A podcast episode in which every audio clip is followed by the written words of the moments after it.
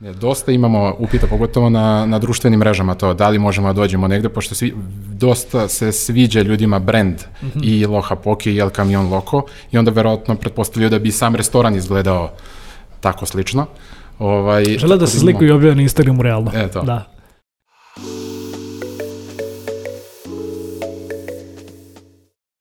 Ćao ljudi, dobrodošli u još jednu epizodu netokracijenog Office Talks podcasta. Kao i uvek pre nego što krenemo, kliknite na dugme subscribe, preplatite se na naš YouTube kanal, kliknite na zvonce kako biste dobili obaveštenje o najnovim epizodama. Takođe, naš podcast možete pratiti i na audio platformama kao što su Apple Podcast, Google Podcast, Spotify, Deezer i drugi. Linkovi su u opisu, zato ovaj, budite brzi i proverite šta to sve dole piše. A, današnju epizodu ukoliko gledate, a prepostavljam da gledate ili slušate pošto je jutro, mislim da ćete posle ove epizode definitivno ogladniti.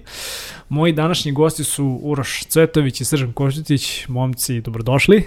Ćao. A, Ćao. Danas ćemo pričati o više stvari koje ste vi pokrenuli. Ne mogu kažem čak i vaša kompanija, zato što je dosta, dosta tu nekih ovaj, stvari, stvari u igri.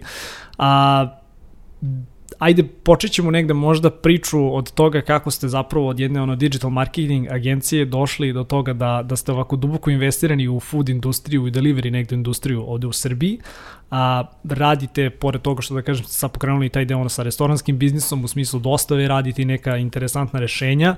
Evo, baš pre neki dan smo na netokraciji zapravo ovaj, objavili informaciju da je vaš, a, vaš novi startup Byte Bell ovaj, osigurao pre-seed investiciju od ICT Hub Venture, tako da čestitki na tome. Svakako ćemo pratiti priču kako bismo videli dalje ovaj, kako, se, kako se čita proizvod razvija. Ali evo, a, srđene, ajde možda negde da krenemo kao od tebe, ako želiš, a, Radili ste i ti i Uroš u Electi Digital, radite kao i dalje. A, neki naši slušalci i gledalci možda su upoznati sa radom vaše agencije. A, kada smo negdje pripremali ovu epizodu, zapravo si mi rekao da ste dosta dugo radili za klijente iz te neke food industrije, te da su mnoge stvari o kojima ćemo danas pričati ovde negde odatle i krenule. Pa ako bi morao kao da ono staviš tačku uh, na taj neki ono, timeline, na tu neku vremensku instancu i da zapravo kažeš odavde kreće naša priča, koja bi to tačka bila? Super pitanje, verovatno, um, ja mislim negde 2015. godina, kada, kada generalno naša ta ekspertiza koju smo razvijali godinama vezano za ovaj, industriju uh, hrane, odnosno jedan vertikalu kod nas u, u agenciji koju smo, ja mislim, možda uzu još jednu agenciju na tržištu jedini razvijali, ajde da tako kažem, rade na digitalnom marketingu za, za restorane. Um, otprilike tu negde počinje da se ubrzano razvija, razvija i dostava. U smislu, počinjemo da vidimo mnogo veće brojeve i fokus generalno klijenata na, na, na dostavi. I e, tu negde krećemo i mi da uh, uviđamo da uh, postoji mnogo više kada je u pitanju hrana nego samo primiti poručbinu, već sve ono što se dešava iza. Što operativno, a isto tako otvaraju se nekakvi novi koncepti, uh, naš, dostava postaje kao izdvojeni biznis za sebe. E, kod mnogih. Tako da tu je otprilike neki, na, na, na timeline neka tačka kada, kada mi interno krećemo da malo drugačije razmišljamo o, o tom biznisu.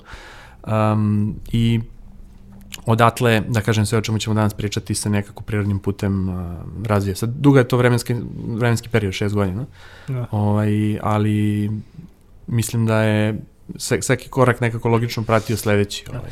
A zapravo i pre te 2015. godine, ovaj, pomenuo sam malo čas u razgovoru, vi ste da kažem negde možda imali i prvih nekih iskustava sa online dostavom, makar kada je razvijenje tog ekosistema yes. u mhm. pitanju, čemu je tačno Pa da, mi, mi smo recimo um, već tamo neke 2000, od, između, između 2008. i 2010 um, sa većim ovim internacionalnim lancima kojim, sa kojima sarađujemo u Srbiji pokrenuli zapravo njihovu tu direct to consumer dostavu. Ovaj, to tada nije bilo uopšte na agendi i danas je redko na agendi osim, osim većih lanaca ovaj, i, i to je naš nekakav prvi iskorak u, u, u taj svet um, i onda je, da kažem, sve to imalo jednu etapu pet godina, 2010. 2015. i, i 2015.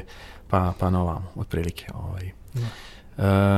Da, mislim, mi smo de facto pomogli recimo KFC ovde u Srbiji da, da lansiraju svoje direktno poručivanje. uh, i to je bilo, ajde, tada pionirski poduhvat, ja bih rekao, jer osim, ja mislim, KFC-a i Donesija nije bilo puno mogućnosti za direktno poručivanje hrane digitalnim putem, iz, iz, izuzev telefona. E, ajde možda negde da se kao fokusiramo i na, i na taj deo priče, mislim svakako tek smo krenuli, imamo, imamo vremena, A, malo je možda sada i nezahvalno govoriti o tome, ali eh, kao da smo zaboravili kako izgledalo to pre par godina dok nismo imali, da kažem, tri negde najve, ba četiri kao ono velike igrača koje, koje su negde ušli u, u, u taj domen dostave. Pouroše, ako možeš malo, možda da nam, da nam govoriš više o tome, da se čisto i mi sami, kako i slušalci i gledalci, podsjetimo kako je to izgledalo. Ovaj, izgledalo je dosta pa, drugačije nego danas. Pazi, nama ono, Uh, prvi klijent koji se ikad u agenciji pojavio 2006. godine bio KFC, tako da to je možda neki ono uh, sudbinski deo da je prvi klijent u agenciji bio iz food industrije i mi smo sad otišli, otišli u tom, tom smeru. Pre nego što je ovo sve cela priča sa pandemijom krenula i sa ovom dostavom, uh, postojali su restorani koji su išli u tom smeru, ali to nije bilo ni približno ovako kao što je, kao što je sada. Mi kad smo krenuli da razvijamo i smišljamo ovu celu ideju, nismo uopšte, niko nije mogo da zamisli da će ovo da ode u ovom smeru. Uh, ima mnogo prednosti koje su umeđu vremenu se stvorile. Uh, svi su sada malo otišli u tom smeru dostave, ali ovaj, to je stvorilo onako i dosta konkurencije i dosta, sad su svi restorani praktično na, na dostavi, tako da sve više ljudi razmišljaju u tom smeru, tako da mislim da smo poslednji moment onako pokrenuli da, da, da uđemo u ceo sajt. Da, ranije je bio telefon. Da, pa da, da upravo si, baš smo malo časa razgovarali o tome kao, seć, sećam se kako je pre 10 godina izgledala dostava, ti pozoveš lokalnu pizzeriju, zdravo, Tako Čika Žiko, da li može jedna velika kaprićoza, dolazim za 10 minuta, dođeš i, i ono, to te čeka. A, isto što je možda negde jako zanimljivo, a do pre par godina ta industrija je bila takva da, ok, imao si možda neke platforme za naručivanje, ali dostava, to je logistika, ajde da kažem i taj negde najteži deo posla koji apsolutno i ne pripada restoranskom delu biznisa, nego se više da kažem, mislim, ono, i jeste samo logistika taj deo je nekako bio u rukama samih restorana. Znači oni su morali da organizuju ekipe, mhm. njihova vozila, njihovi kuriri. Sve to mi se danas čini da je opet u, u vlasništvu tih kompanija koje su zapravo tu negde opet kao ono uh, middleman, znači igrači koji su ono u sredini i koji zapravo, dakle, omogućuju pod jedno ono naručivanje, a pod broj, broj dva restorani isto tako kažu mi ćemo da ono handlamo logistiku, mi ćemo dakle da, da se prosto zauzmemo da taj deo bude rešen kako treba.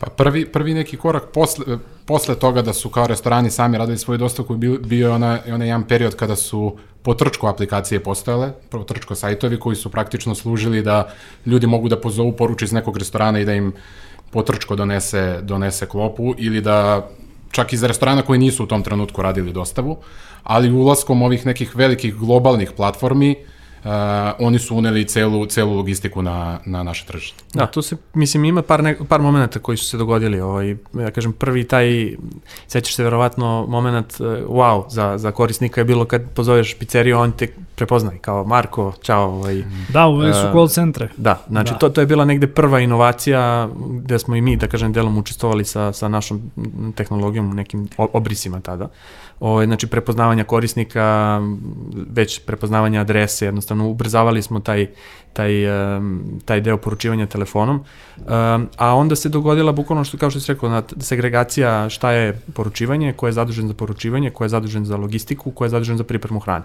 i ko je zadužen za marketing. Ovaj, nekako se sve to, čini mi se, razdvojilo, dok je ranije bilo, rekao bih, nekako džutore sve ovaj, da. zbijeno.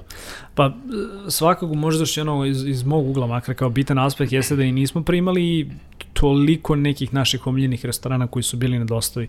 Pričat ćemo danas i o tome, ali globalna pandemija i da kažem taj, taj ono lockdown u martu i aprilu, oni su svakako ubrzali da kažem razvoj tog tržišta, tako da ako nisi bio možda prisutan kao restoran na sve tri platforme, zato što se kod nekih možda nije ovaj, svideo prosto uslovi za korišćenje, možda procenat jednostavno bio previsok, a svakako si bio možda prisutan samo na jednoj da li opet negde možemo da kažemo da je ta globalna pandemija čitavo tržište dobrih nekih onako par godina unapred ovaj, pogurala? Definitivno ga je ubrzala, da. Mislim, i otprilike to je tržište koje je svakako već raslo zadnjih 10 godina unazad ovaj, i to dvocifreno svake godine. Znači, definitivno je hrana um, jedna, jedna od industrija koje su najbrže bile ajde, digitalizovane na taj način. Iako koliko god to zvučalo ovaj, možda čudno iz današnje perspektive.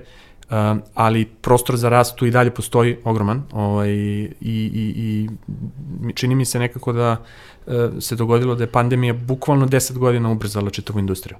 A isto kao i sa internet trgovinom, da. Da, da. znači 10 godina minimum ovaj, smo, smo ušparali ove godine, ovaj što se tiče rasta. I čak i kad prođe pandemija, teško da će se vratiti na Da, na možda će neki to restorani reći, ok, sada smo otvorili svoje ovaj, divne prostorije, nismo više na online-u, dođite i posjetite nas, ali je neminovna činjenica da će mnogi od njih zapravo i dalje ostati na, na Pa da, servisima. čak mislim da će većina ostati na online, jer će shvatiti da je to samo još jedan kanal prodaje. To Da. ok da, da ljudi svrate u restoran, ali online će ostati sada. Znaš, ono što je meni recimo fascinantno tu je da su, ako čovjek razmisli, ovaj, restorani i ta industrija su bili nekako pioniri multi-channel u suštini. Znači ne baš klasičnog omni-channela u smislu da imaju koordinaciju, ali multi-channela definitivno su bili pioniri jer su imali ovaj, više prodanih kanala, telefon, uh, ne znam, uh, tadašnje platforme koje su bile više kao vitrine ovaj, za, za poručivanje. Ovaj, I naravno neki sobstveni sajti i sobstveni, ovaj, sobstveni restoran.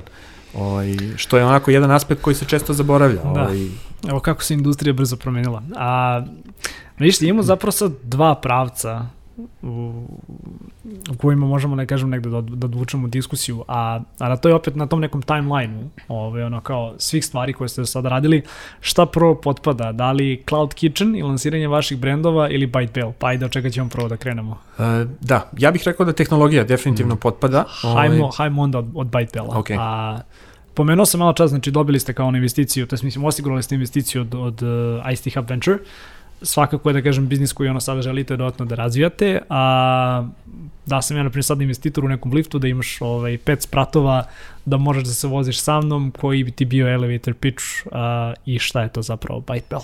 Da, pa ukratko, e, Byte Bell je tehnologija koja olakšava restoranima da automatizuju proces dostave i automatizuju sve ono što se dešava kada poručbina stigne ovaj, u restoran.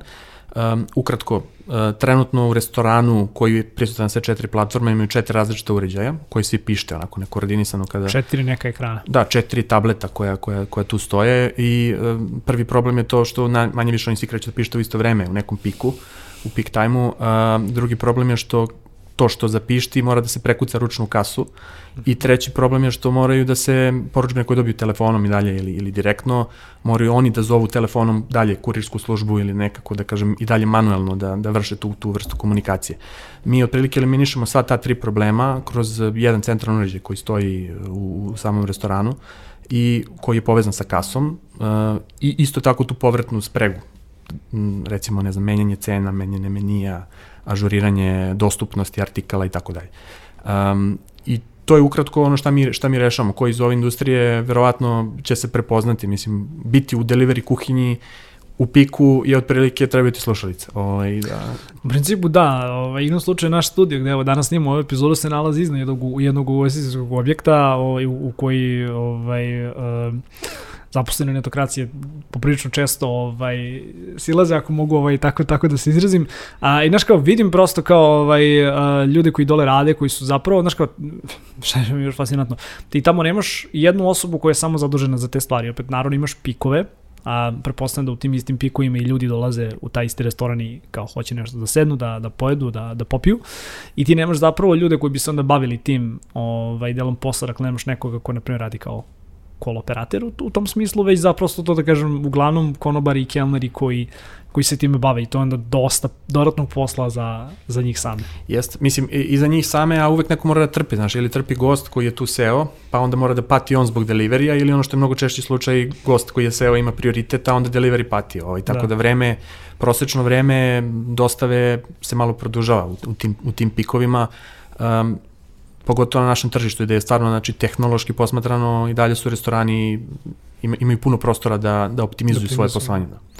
A reci mi, sa, ajde da kažem sad sa svim ovim ono, različitim rešenjima i ta globalna pandemija je negde opet uh, pogurala malo industriju napred. Da li vladamo nekim podacima da se taj ono delivery neću kažem delivery, stalno me inače zazivaju podcastu, koristim previše engleskih reči. Da li se smanjilo to vreme za dostavu, ovaj, prosečno, na primjer, u odnosu na pre, pre samo par godina ili pre, pre godinu dana? Jesu se ljudi malo više uigrali možda ili...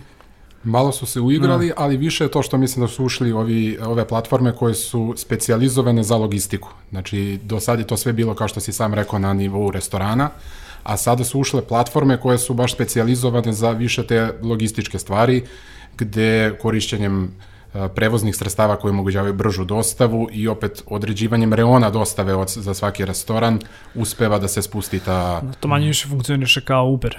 Zapravo prepoznaš, prepoznaš da je ti je kurir koji najbliže restoranu, on dobija... Tako je, umeđu vremenu su oni uključili neko preuzimanje više, za jednog kurira preuzimanje više poručbina ako se na istom reonu do, dostavlja, tako da sve to malo po malo ubrzava. Da, mislim, to je takozvani Generation 2 model, druga generacija delivery platformi. Prve su bile klasične vitrine. Znači, mi ti dajemo vitrinu, ti um, izloži svoju ponudu i sam dostavi. Ovaj, I to je, mislim, ono, legit. To je ovaj, dosta dugo funkcionisalo. Da, da, da. da.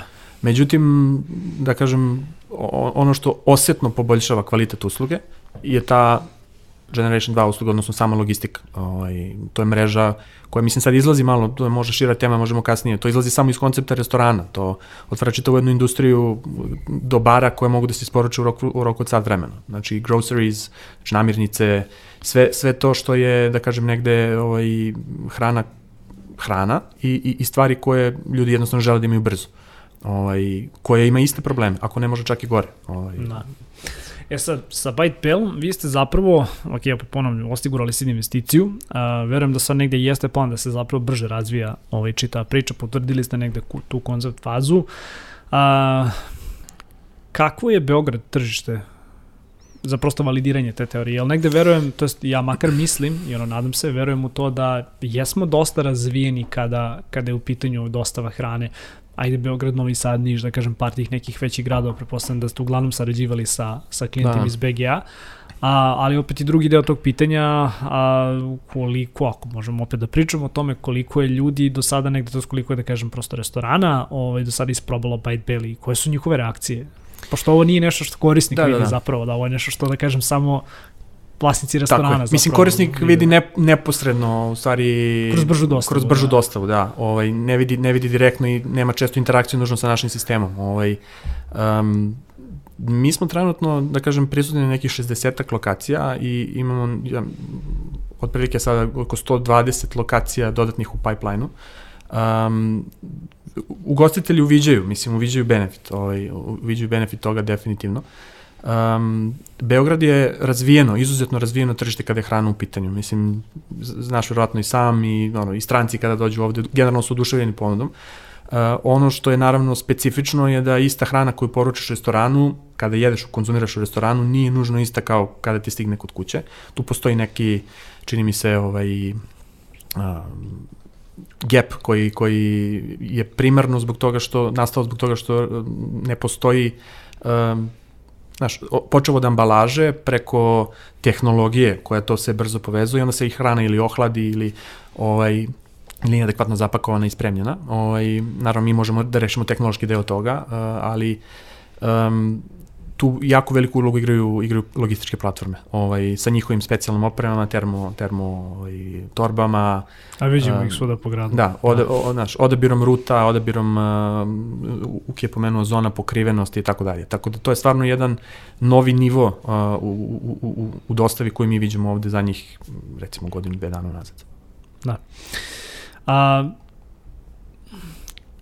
kako se čita priča razvijala znači, sa vaše strane, a, u doba pandemije, da li je možda bilo lakše da akvizirate korisnike, pošto ovo je nešto koliko sam ja makar shvatio opet iz našeg razgovora što se već razvija neko vreme nije da ste, da ste baš juče hm. izašli sa, sa ovom pričom.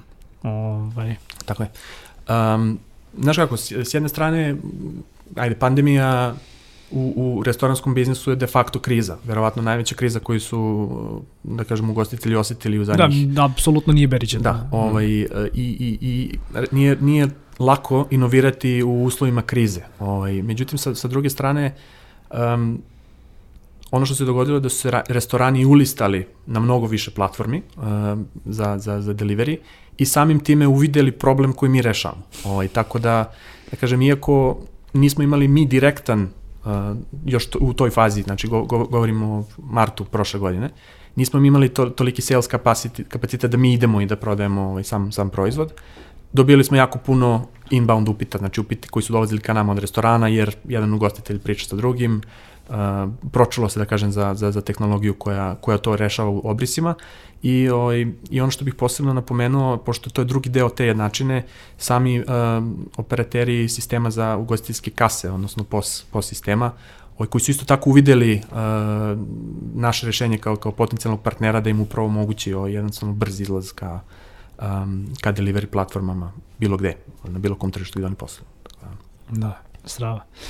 A, pa dobro, ništa, ovaj, malo kasnije ćemo zapravo da da popričamo i o nekim daljim planovima, ali da dođemo sada i, i, i do ovoga, ovaj, zbog čega i uraš, da kažem, najviše negde tu. A, sećam se priče koje smo radili na netokraciji, to je bio, ako se ne varam, početak 2020. godine, februar, februar, da, da. februar, da. Ovaj, a, Danas sam negde zapravo prvi put i čuo za, za taj koncept kuhinje u oblaku ili ti cloud kitchen. Ovaj, brzim, ne, brzom nekom pretragom na Google sam zapravo shvatio ovaj, o čemu je reč. A, sa svim tim nekim background da je zapravo ono, vaša agencija, da kažem, radila neke ovaj, ono, food brandove, da kažem, razvijala ovaj, uh, prosto da kažem radila digitalni marketing za njih, eto, ako tako mogu da kažem, odlučili ste da i sami uđete u restoranski biznis, ali u restoranski biznis gde nećete zapravo ovaj, ono, praviti kuhinju, gde nećete ovaj, raditi direktno sa kuvarima, nego da ćete zapravo da outsourcujete taj deo posla, a onda ćete, da kažem, sa vaše strane da negde budete zaduženi za marketing, za business development, za sve ono što, što negde možda korisnik vidi, dok će klopu da priprema neko potpuno drugi deo. A, kako taj koncept funkcioniše a, i kao, eto, odakle, odakle da krenemo kada je Cloud pa da. Kitchen u pitanju?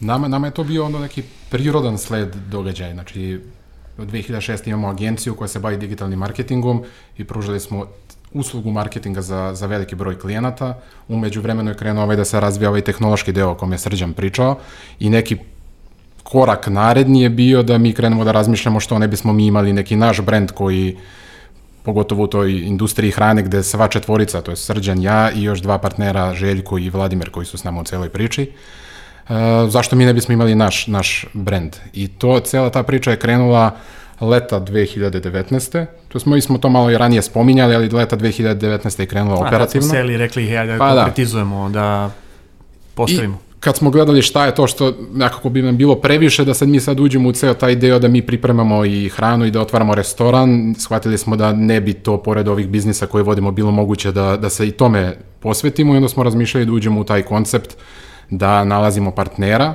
koji bi za nas pripremao hranu, a da mi budemo uh, zaduženi za ono u čemu smo dobri, stvaranje brenda, uh, reklamiranje tog brenda, advertising i, i sve, sve ostale tehnologije. stvari. Koje, I tehnologije. Isto tehnologije, da. A, kako to funkcioniš u Beogradu? Ko, ko je zapravo priprema? Ok, videli smo sad zapravo ko razvija brand, a ko negde možda smišljava meni. Ko priprema klopu? Uh, pa mi smo, mi smo ti koji su prvo, prva faza nam je bila da smislimo koje ćemo uopšte koncepte hrane da, da razvijamo i imamo neku listu po kojoj se, po kojoj se vodimo. Uh, I mi smo ti koji smo ismišljali uh, kakav će meni, meni da bude, a onda smo krenuli da tražimo partnere koji bi to mogli da, da isprate. Uh, za sad nam se pokazalo da cateringzi su najbolji, najbolji partneri za, za tako nešto. Uh, Ovaj, naravno, mi smo otvoreni i za neke restorane, ali nam se pokazalo da u razgovorima sa restoranima oni malo drugačije prave kalkulacije, e, ne razumeju možda još dovoljno kako to sve treba da izgleda, dok catering već funkcioniše po A catering je navikao da priprema hranu, da. Pa da. da. hotelske kuhinje su nam isto ovaj, zanimljivi partneri sa kojima pričamo.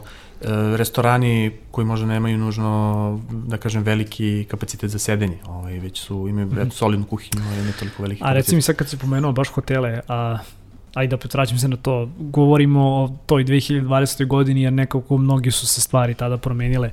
Da li su možda i hoteli sada postali svesni da moraju negde da iskoriste neke dodatne kapacitete koje imaju? Da li je u tom smislu možda to dobar dobra karta na koju možeš da igraš kada sedeš i pričaš sa njim? Da li su negde možda svesni kao, ok, nebitno koliko god da ovo traje, imamo priliku ovde da razvijemo nešto potpuno novo i da, i da zapravo zauzmemo i taj deo tržišta, da ponudimo nekim ja, kuhinjama u obliku u oblaku naše naše usluge. Ja da. mislim da jesu, mislim generalno hotelske kuhinje su ajde onako state of the art što bi se reklo u smislu opremljenosti.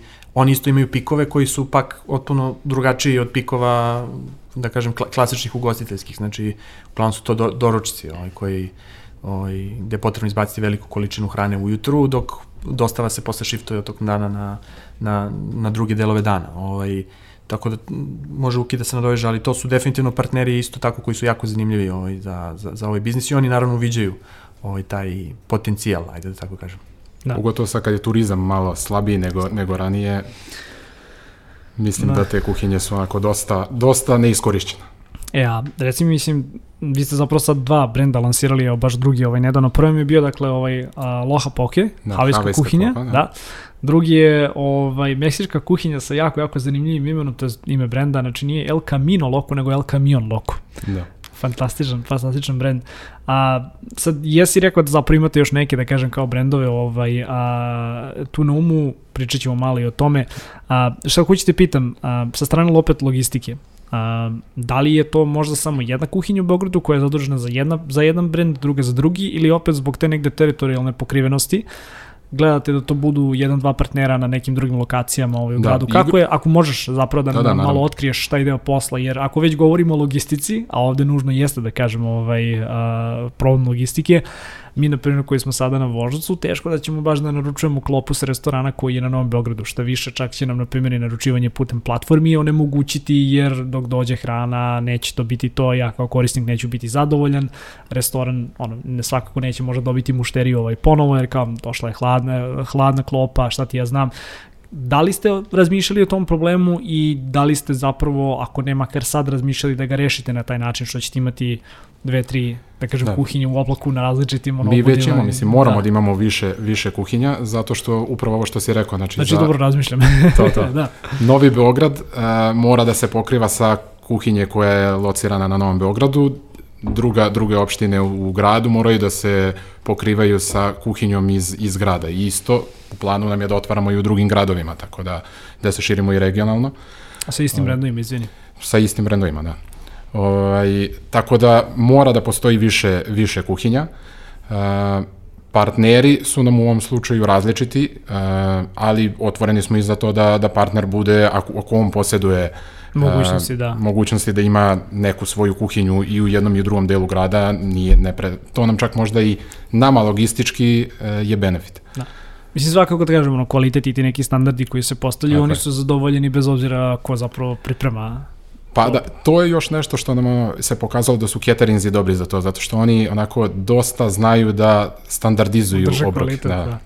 A, I još jedno pitanje, da li, vas, da li su vas ljudi pitali gde mogu da dođu negde da klopaju, ovaj, to uživo da sednu i da li ste imali ljude koji su, ne znam nija kako iskopali adresu, zapravo samo cateringa, došli i probali da naruče da. klopu?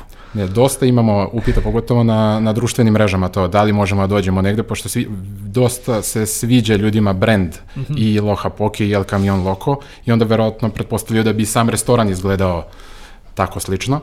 Ovaj, Žele da se sliku i objave na Instagramu realno. E, to. Da. Ovaj, tako da dobijamo ta pitanja, a, mi ono, svima objašnjamo da smo mi za sada delivery only koncept, negde u budućnosti se možda to i promeni, ali... Kako to prolazi kod ljudi? Ja kao i meni je trebalo neko vreme da shvatim čime se bavite, ali me zanima ako nekog onda tipa prosječnog srpskog korisnika. To, ne, taj deo prolazi ok, više e, ljudi koji pitaju da negde preuzmu hranu, to može malo da stvori problem ako žive blizu lokacije odakle se preuzima, pa ne žele da da naručuju preko platforme zato što bi onda dostava morali da naplate dodatno.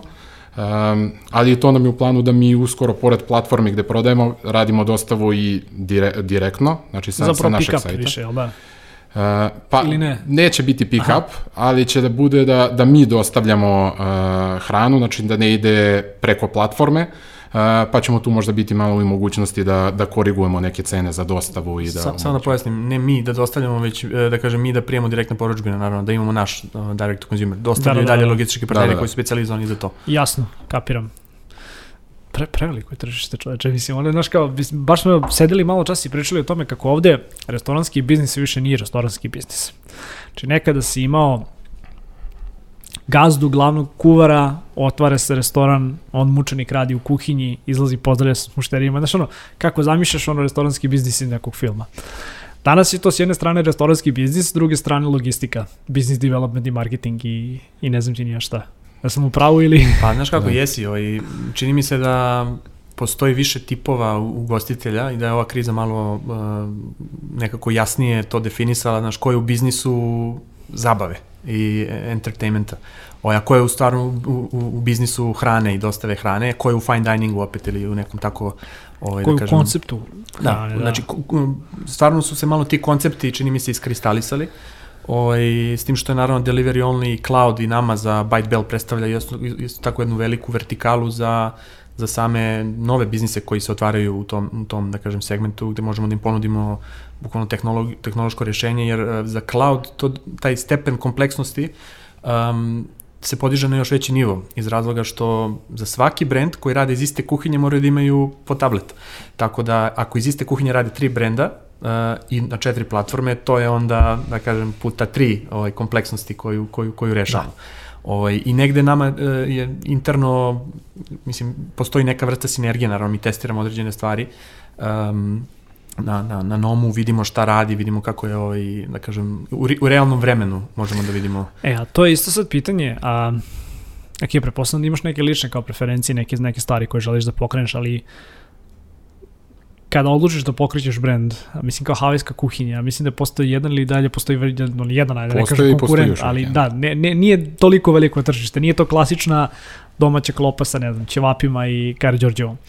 A koliko razmišljenja ulazi u predviđanje ili osmišljavanje nekog novog brenda i da li koristite podatke kako biste uvideli koji je taj neki novi brend neke kuhinje inostrane koji biste želeli prosto da predstavite ovde u Srbiji? Da, da, pre nego što pokrenemo, baš se dosta bavimo tim, tim mhm. stvarima. Mm -hmm. e, imamo ideje za inostrane koncepte koje bismo pokrenuli, ali pre nego što se odlučimo da ih stvarno pokrenemo, radimo totalno od početka analizu tržišta, gledamo čak i kad postoji konkurencija, konkurencija nije toliko, toliko loša stvar, e, pokušamo da među tom konkurencijom nađemo naš prostor na tržištu, da se po nečemu ipak malo razlikujemo od konkurencije, koristimo neke konsultante koji nam pomažu u svemu tome da vidimo gde je najbolje da se pozicioniramo.